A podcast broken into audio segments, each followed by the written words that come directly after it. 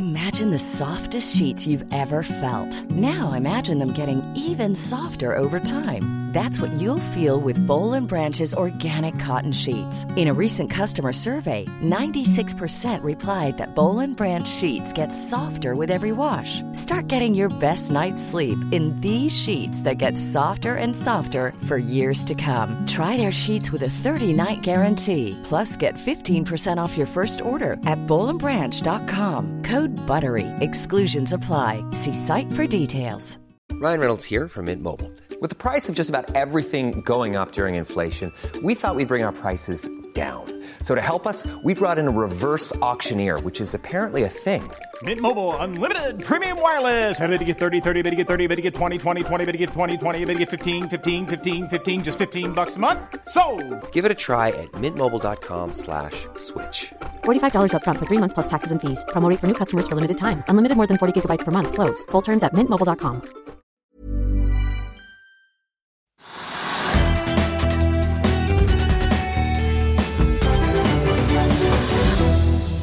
En riktig god onsdag og gratulerer med dagen. I det kalenderen viser 8. mars. I dagens sending skal vi se nærmere på veien videre for Nell, som har hentet penger og som satser stort i USA, og hvorfor Subsea 7 velger å da kjøpe ut Seaway 7. Og vi skal også se på hvordan kvinner og menn agerer i markedet, siden det tross alt er 8. mars i dag. Mitt navn er Marius Thorensen, og jeg skal selvfølgelig også oppdatere deg på de viktigste nyhetene i dag. Vi begynner med å titte litt på markedet. Det ble jo en ganske sur dag på Wall Street mot slutten av gårsdagen, der både aksjer og renter reagerte kraftig på uttalelsene fra sentralbanken sentralbanksjef Jerome Powell. Det så lenge surt ut her hjemme også i dag, men børsen har hentet seg mye inn, hovedindeksen ligger nå og vaker rett under nullpunktet, ned 0,02% til 1245 poeng. Rundt oss i Europa relativt eh, blandet i dag. Det skjer jo da etter at eh, USAs sentralbanksjef Jerome Powell deltok i går da, i den årlige høringen i Senatets bankkomité. I dag er han i Representantenes hus i samme æren. og det var jo da uttalelser om at både flere makrotall hadde vært bedre enn ventet den siste tiden, og ikke minst at det kan bli nødvendig med raskere rentehevinger og også et høyere rentenivå på topp enn tidligere ventet, som satte fart i saker og ting. Eh, hvis vi da titter litt på hvordan det endte i går, så endte jo Dow Jones da ned 1,7% og endte også i minus for året. SMP 500 ned halvannen prosent, mens Nasdaq fulgte ned med et fall på 1 og en prosent, får vi si da. Det var jo minst eh, like store utslag i rentemarkedet. Ettåringen på amerikanske statsgjelden tikket jo, får vi si, godt over da femtallet, ligger på 5,22 nå. Toåringen bikket over 5% for første gang siden 2007, og har også fortsatt oppover i dag til 5,08 på det meste. Den amerikanske tiåringen som mange følger med på, var jo også over da 4 i går. Endte noe ned mot slutten av dagen, og har også gått litt ned i dag til 3,95. Vi får også ta med at rentemøtet i USA skal etter planen avholdes neste gang, i hvert fall, den 21. og 22. mars.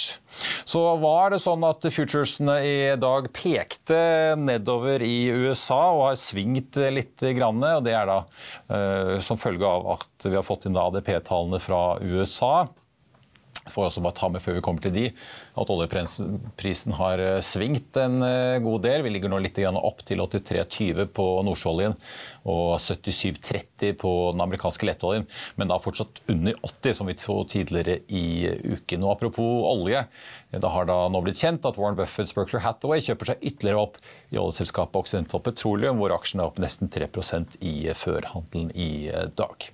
På kalenderen i dag så skulle vi jo opprinnelig da fått kvartalstallene fra Flyr, men de har jo rukket å gå konkurs i mellomtiden. I tillegg da så er det disse ADP-tallene for sysselsettingen i privat sektor i USA, som da kommer før fredagens formelle sysselsettingstall som kommer fra amerikanske myndigheter.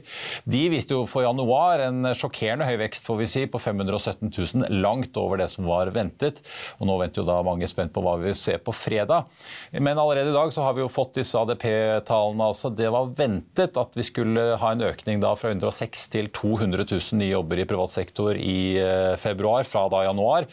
Men fasiten viser altså 242, og når det tallet kom, så så vi futuresene på Wall Street eh, vippe over i grønt, men de er nå tilbake igjen svakt ned eh, rundt 0,15% i minus. Vi skulle også i dag fått eh, en utvidet kvartalsrapport fra Softox Solution, som er i en likviditetskrise. Men like før børsåpning i dag så meldte selskapet at den er utsatt nok en gang, nå til 14. mars klokken 10, altså neste tirsdag. Selskapet opplyser at styret og ledelsen vurderer flere ulike finansieringsløsninger som nå eh, ligger på bordet.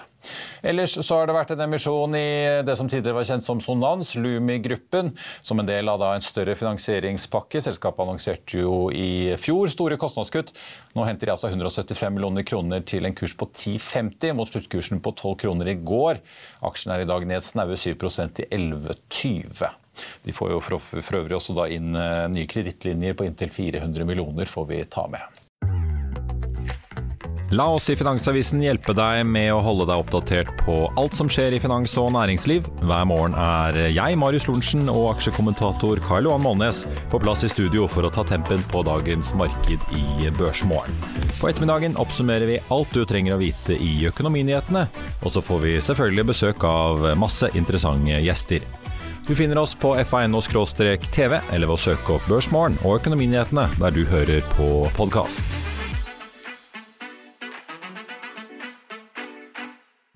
Det skjer stadig nye ting på batterifronten. Volkswagen melder nå at de utsetter byggingen av en ny batterifabrikk i Øst-Europa. Det melder bilgiganten også selv. De sier at de nå avventer EUs tilsvar til den amerikanske IRA-loven, altså Inflation Reduction Act. Så vi kan vel nesten si at Volkswagen tar en freier. De har jo også da uttalt at de i hvert fall inntil videre fortsetter utbyggingen i Mo i Rana i et avdempet tempo inntil de ser responsen til norske og europeiske myndigheter. Så er det jo da Himalaya Shipping som har åpnet snaue 2 i dag. Tørrlastederiet til Tor Olav Trøim og Herman Billung vil da søke en dobbeltnotering og også være notert i New York i tillegg til Oslo. Selskapet planlegger også en emisjon, får vi si.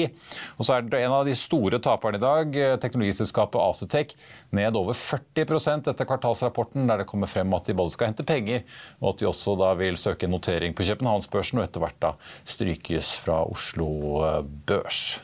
Får vi også nevne Afi Group. Teknologiselskapet skulle jo egentlig gjennomføre en aksjespleis i dag, men handelen er pauset i aksjen inntil videre. Den er ned da 76% siden børsnoteringen i 2020. Nå skal vi høre at seismikkselskapet TGS fester grepet om markedet, og særlig den amerikanske Mexicogolfen. TGS hadde jo kapitalmarkedsdag her i Oslo i går, og det er jo full fart i oljenæringen, i tillegg til å jekke opp egne investeringsplaner. Etter den store pågangen fra oljeselskapene og sikre seg skipskapasitet da utenom duopolet PGS og Sharewater, så har TGS altså også utvidet samarbeidet sitt med fransk-amerikansk Schlumberger, som nå heter SLB. Her forklarer konsernsjef Christian Johansen i TGS hvorfor avtalen er så viktig for dem i årene fremover. Bare se her. Vårt samarbeid går egentlig på at uh, i, uh, det er jo gjerne sånn i seismikk at du overskyter eksisterende seismikk, og du kan gjøre det flere ganger når du har ny teknologi. Og nå er det sånn at Man har ny teknologi i dag som, som heter Ocean Bottom Nodes, altså man legger noder på havbunnen istedenfor å taue streamere etter båter. Og, For å gjøre det så er du gjerne avhengig av å ha underliggende seismikk. Og Slumberger har mye mer underliggende seismikk enn det vi har i Gulf of Mexico. Så vi har allerede et samarbeid som dekker ca. en fjerdedel av Gulf of Mexico. Men det vi annonserte i går, og som jeg sier i, i, i gårsdagens presentasjon, det er en stor avtale for oss. Strategisk betyr den ufattelig mye, for det er ikke de neste to eller tre år, det er de neste ti år. Men det betyr egentlig at hele Gulf of Mexico, uh, uavhengig av hvem som har underliggende data, kan vår joint venture Aker, altså Slumberger TGS, kan gå inn og overskyte det med Noda. Ja. Som kjent har vi kjøpt Magsize, så vi er jo veldig godt posisjonert med at vi har utstyr og teknologi. og De har mye underliggende seismikk, og sammen så skal vi merge det. da. Da skal vi til dagens eh, første gjest og snakke om noen av de som er ute. og ja, Vi kan vel si Håkon Amundsen, analytiker, at uh, det er mange som er ute og henter penger om dagen, inkludert mange av selskapene du følger med på. Jeg tenkte kanskje, jeg, nå har du jo, jeg ser du har også dekning på Archer som er ute og som har hentet penger på en krone. Du lå inne fra før med en Holland-befaling på fire, men ganske overraskende. De endte jo dagen før emisjonen ble, altså før emisjonen ble annonsert på litt så vidt over fem eh, kroner. Ledelsen sier det ikke var noen vei utenom basert på de signalene de fikk. Hvordan leser du eh, det som har kommet, og den pakken som har kommet fra Archer, egentlig? Nei, altså når det, når det, gjelder Archer, så var det sånn ganske åpenbart at det var uh, høy risiko i den aksjen, i og med at det hadde all bankgjelda deres forfalt jo i november i år. og Det var ganske åpenbart at et eller annet måtte gjøres. og Det er klart at det, og det, er kjent at det er ganske mange hedgefond som har kommet inn i bankgjelden deres, og, og også at det ville bli problematisk å refinansiere den bankgjelden. Mange banker vil jo ut av den type fasiliteter. Så at, at, det ville bli en eller annen komplisert løsning, det var ganske klart. Eh, men det er klart 80% rabatt er mye, og hvis, hvis, aksjemarkedet hadde forventet det, så hadde ikke aksjen handlet der den gjør. Men, men eh, grunnen til at det er jo den eneste oil service-aksjen vi har hatt på hold, og grunnen til det er at vi har vært redd for potensiell utvanning i aksjen. Så, så, så mm, at det var, det var, delvis forventet, men det er klart den rabatten var jo, var jo høyere enn det de fleste lå inne med, vil jeg tro. da. Men bare Før vi hopper videre til, til Nell og Seaway 7 og Subsea 7. Eh, hvordan ser du på inntjeningsutsiktene deres? De har jo hatt uh, tap i mange år, og så er det jo nå en generell liksom, optimisme for olje- og servicesektoren. men hvordan ser egentlig inntjeningsutsiktene for Archer ut når de nå har landet denne refinansieringspakken? da? Inntjeningsutsiktene ser jo, ser jo ganske bra ut. Den største utfordringen deres har jo vært, har jo vært gjeldsforfall. Eh, det har jo for så vidt, kanskje si, i hvert fall sånn på våre forventninger og for så vidt på deres guidance, så er jo, så er jo earningsveksten deres litt mer moderat enn, enn den kanskje er for noen av de mest volatile oilservice-selskapene i sektoren. Da. Det er jo knyttet mye opp til produksjonsdrilling og, og, og den type ting. Så, så det, det, det, er litt mindre leverage på deres earnings enn det vi f.eks. ser på seismikk og en del andre segmenter. Så, så, vi tenker jo at det er moderat bedring, men det viktigste for selskapet er jo vært at eh, de har problem, utfordringer med refinansiering. og Når det er løst, så, så vil jo det være relativt forløsende for selskapet, selvfølgelig kanskje tryggere å sitte i Aksjelutions eller andre selskaper du følger, eh, i hvert fall hvis jeg ser på oversikten om anbefalingene dine? Ja, altså, kan si sånn, sånn sett, så, så, både, både, innenfor seismikk og subsea og construction så er det ganske åpenbart at ordreinntak og earnings er på vei opp. og vi, vi det er klart at det viktigste grunnen til å være vært forsiktig med Archer har ikke, har ikke vært at earningsutsiktene er så dårlige, det har vært refinansiering. Men, men, eh, men earningsutsiktene er nok, er nok litt mer, mer, forsiktige enn det vi ser i en del andre av de selskapene og aksjene vi liker best. Det er det. Du, eh, la oss gå rett til eh, Subsea, eller eh, syverne kan vi vel nesten kalle det, Seaway 7 og Subsea 7. Eh, Subsea 7 spant jo ut Seaway 7, og, og de driver jo selvfølgelig også, er jo også eksponert mot olje og gass, men det skulle jo liksom være selskapet som satset mot uh, særlig da havvind og en del nye inntektsstrømmer. Så plutselig i forbindelse med kvartalsrapportene her eh, forrige uke så annonserer de at de ønsker å ta Seaway 7 av børs igjen, kjøpe dem opp. Først og fremst, eh, kanskje vi skal begynne med det. Hvorfor gjør de egentlig det? Hva er, liksom, er rasjonalet for å ta det av børs igjen? Nei, altså, altså, Tanken her var jo god, sånn, sånn vi ser det. Uh, intensjonen var jo at man skulle få et separat uh, offshore vindselskap som da var uavhengig finansiert, men med kan du si, Subsea 7 som hovedaksjonær. Og Grunnen til det er jo at uh, offshore vind og, og olje- og gassprisen er, er, litt forskjellig. Og, og, ikke minst investeringsbehovene er veldig store i offshore vind med veldig langsiktig vekst, mens, mens de på olje- og gassiden uh, mer fokus på cashflow, kanskje utbytter og tilbakekjøp.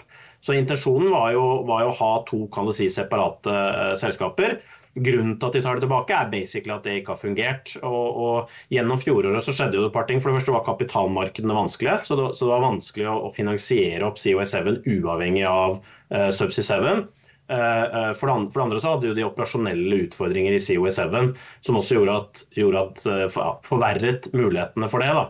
Så, så, jeg tror det, det, viktigste, det, viktigste, grunnen er at det fungerte dårlig som et, som et eget børsnotert instrument. Det var vanskelig å øke fri flyten, så det ble veldig høy konsentrasjon av eiere på Subsea 7 og de andre eierne fra O og Eh, og det andre var at ikke det var så lett å få en uavhengig finansiering. Så kan man si Hadde man vært tålmodig, så hadde det kanskje vært mulig å få det til på et senere tidspunkt. Men, men, men, men det her er jo det samme som vi så også i Aker-systemet. De, når de noterte Aker Clean Hydrogen og Aker Offshore Wind, de spant de ut. Fungerte dårlig som separate børsnoterte selskaper og ble rullet opp igjen til, til mor. Da. Så det er egentlig det samme vi ser her. Eh, god intensjon, men, men det fungerte ikke helt etter intensjonen, og da er det kanskje like greit. Men altså, ja, apropos det, da, I Aker så har man jo tross alt fortsatt beholdt Aker Horizon som den der store fornybarparaplyen. Og så har du Aker ASA, som er uh, selvfølgelig storaksjonær der, da, men de er jo ikke minst veldig oljeeksponert. Eh, hvis du ser på prisingen som de tilbyr da Seaway 7-aksjonærene, og hva man sitter igjen med liksom, er Subsea 7 da en attraktiv aksje, eller blir det for mye sånn konglomeratrabatt i alt dette her, gitt at man da har to veldig forskjellige virksomheter? da? Jeg, jeg, jeg, tror, jeg tror uh, Hvis du ser på den relative størrelsen her, så er det vel om ikke 10-15 av, av, av, av market capen og, og, og uh, som, som, liksom tilfaller uh, offshore vindbiten. Så, jeg, så tror det, jeg, tror det, jeg, tror det, blir lite nok til at ikke man, man tar den type vurdering. Det som er det eneste kan du si, liksom, er litt utfordrende, er jo det at no, noen investorer har jo liksom fokusert på fri cashflow og potensiell utbyttekapasitet i Subsea 7. Uh, og, og, at den ville vært mye mer liksom, åpenbar hvis alle si, finansieringsbehov og vekstutsikter lå på en måte i offshore vind. Når de ruller det opp, så er det jo ikke utenkelig at Subsea 7 på et eller annet tidspunkt vil begynne å investere ganske mye i offshore vind. De sier jo at de ligger litt ut i tid, men det er klart at det, det gjør at man nå at, de som har liksom, uh, hatt som utgangspunkt at man har høye utbytteforventninger også på veldig lang sikt i Subsea 7, må ta, ta inn over seg at det kan bli investeringer innenfor offshore vind, i hvert fall litt lenger fram. Da. Og Det var jo noe man ikke nødvendigvis hadde trengt å, å, å ta så mye høyde for når det var, når, når det var et separat selskap. Ja, ja, ikke sant? for det holdt jeg på å si, i motsetning til da Aker Solutions, som uh, ikke har den type store i hvert fall kapitalforpliktelser uh, som å bygge da løfteskip, som uh, Seaway 7 sitter på. Mm.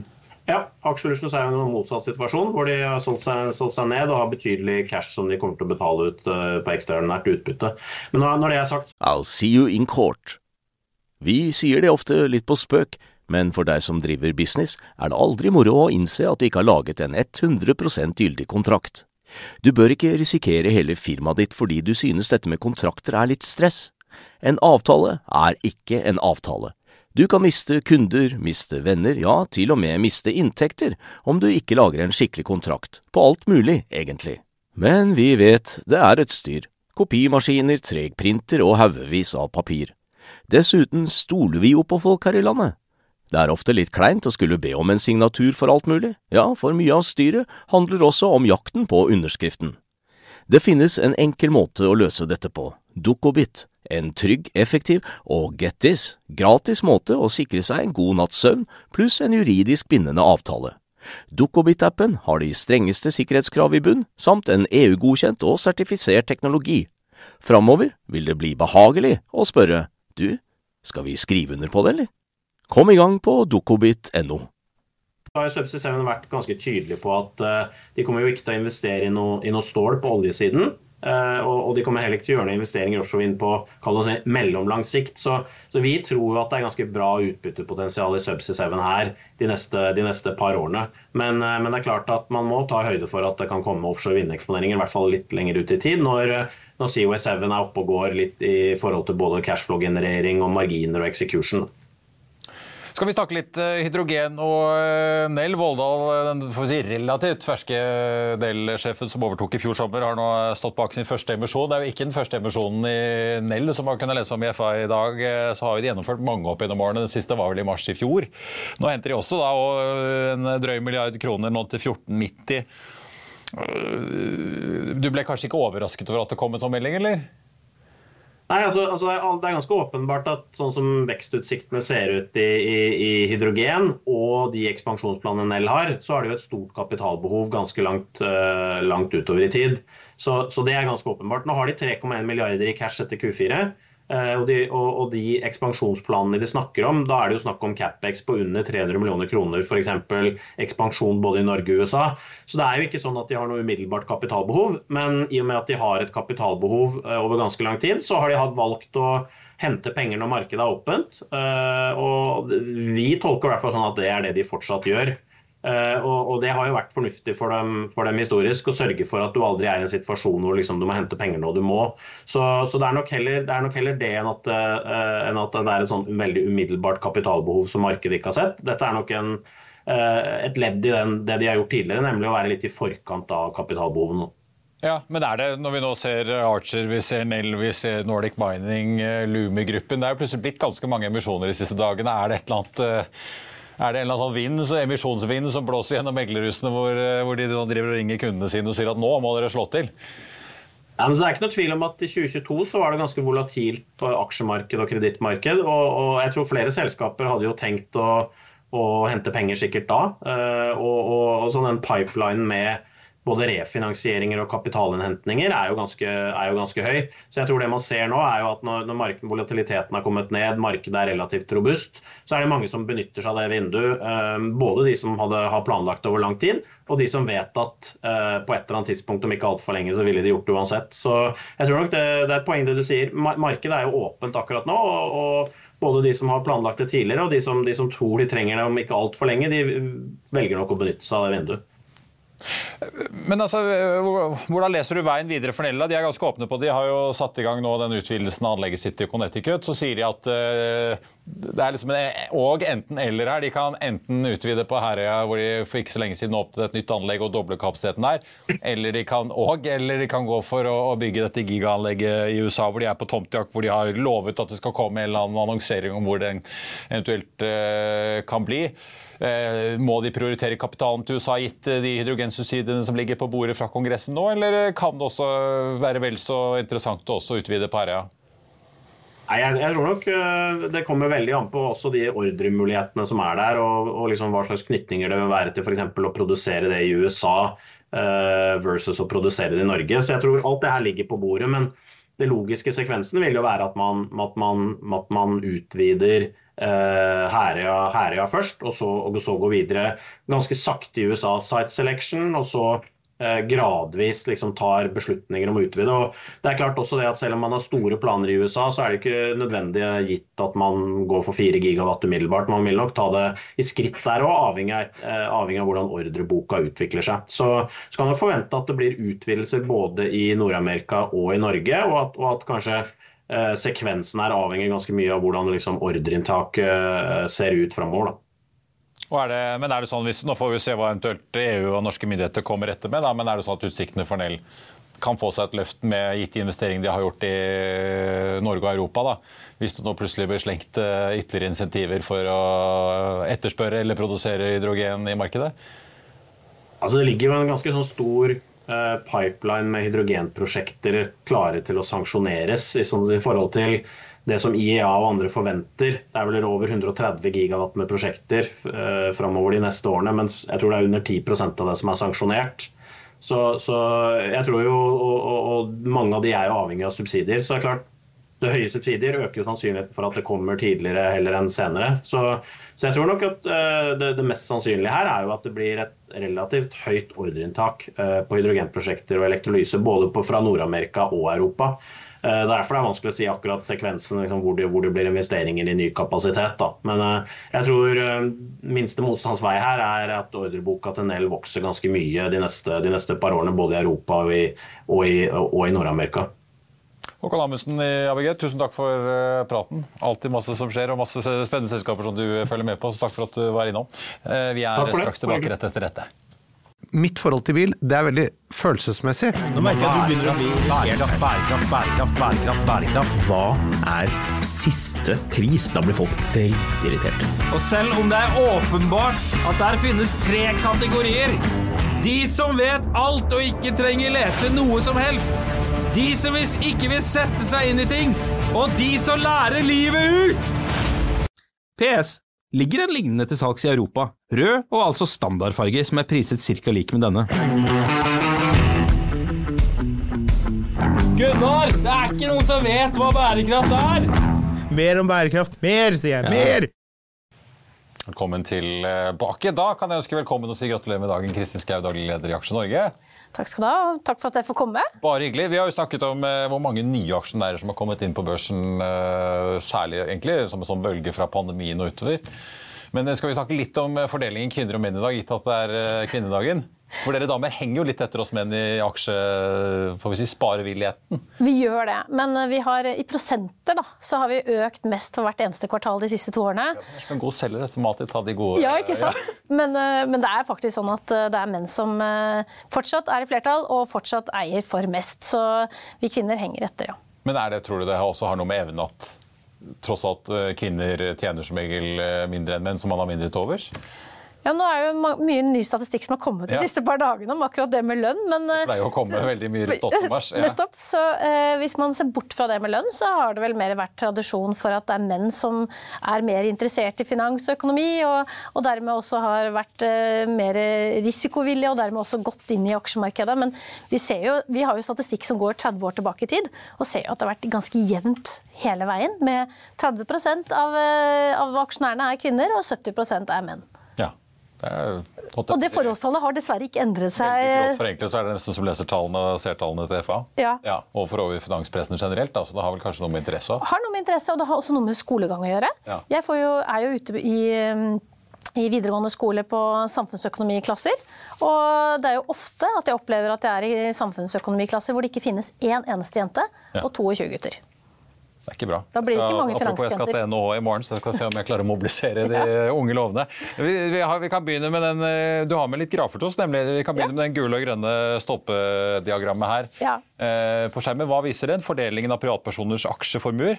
Ja, for at, eh, Vi har jo tre markedsplasser på Oslo Børs.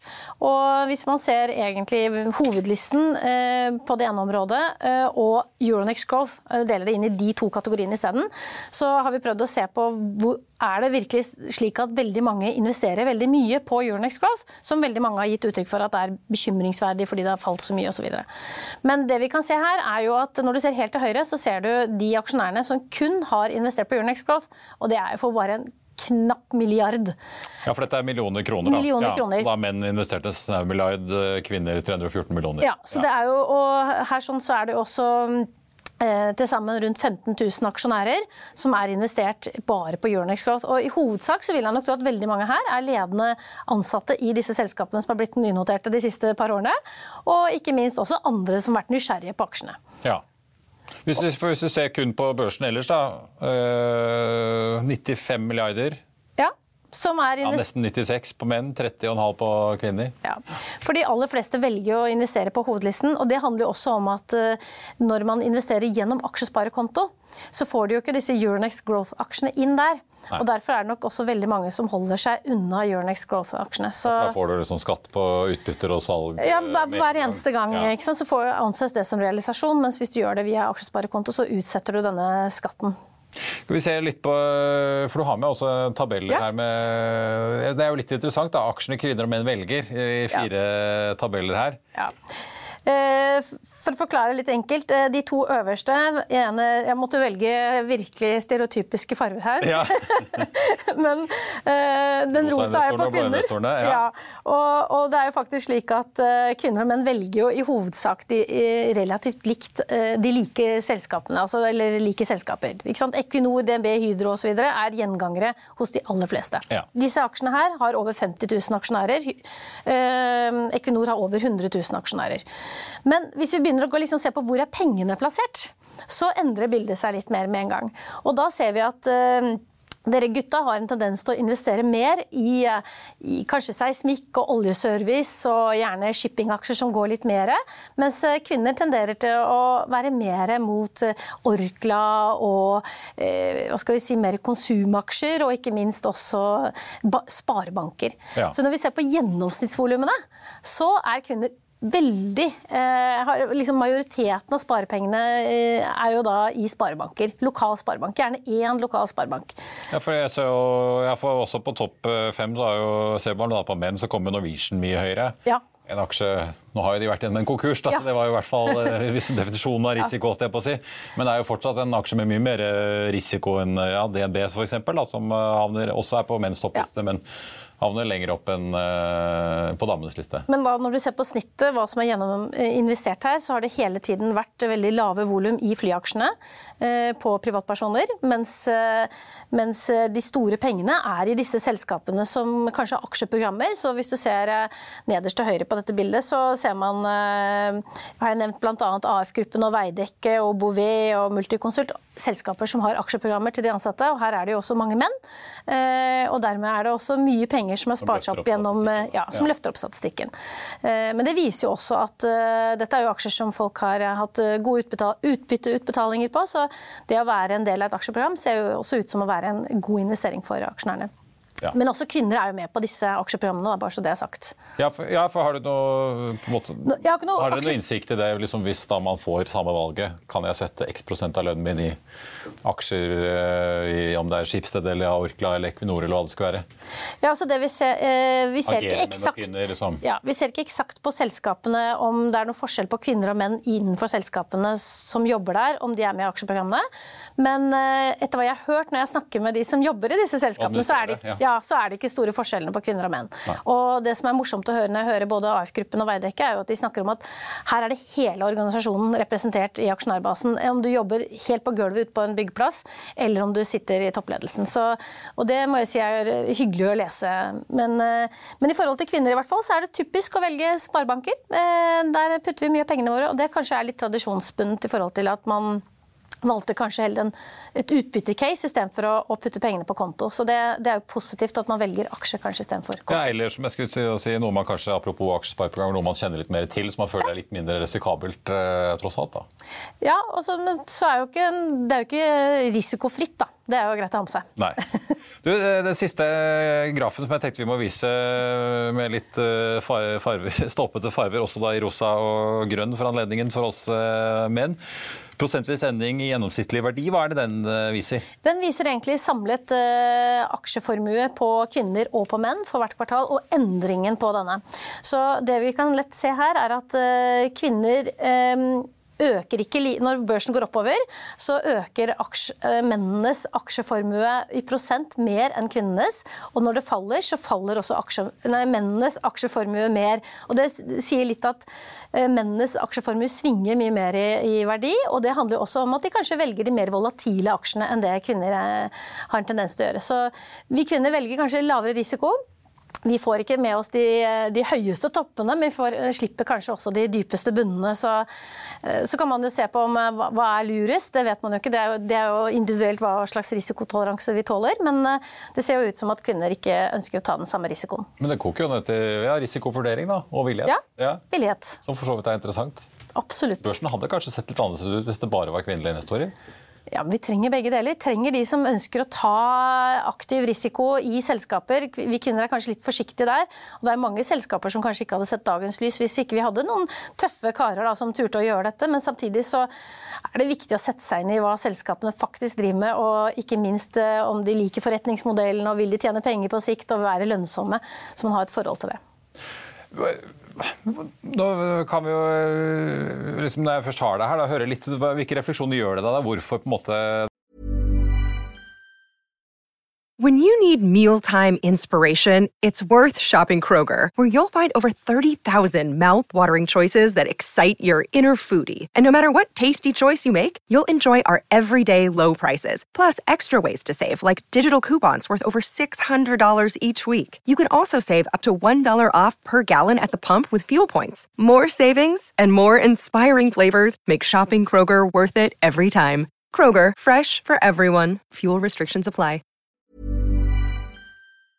Økonominyhetene er en podkast fra Finansavisen. Programledere er Marius Lorentzen, Stein Ove Haugen og Benedikte Storm Bamvik. Produsenter er Lars Brenden Skram og Bashar Johar. Og ansvarlig redaktør er Trygve Hegnar.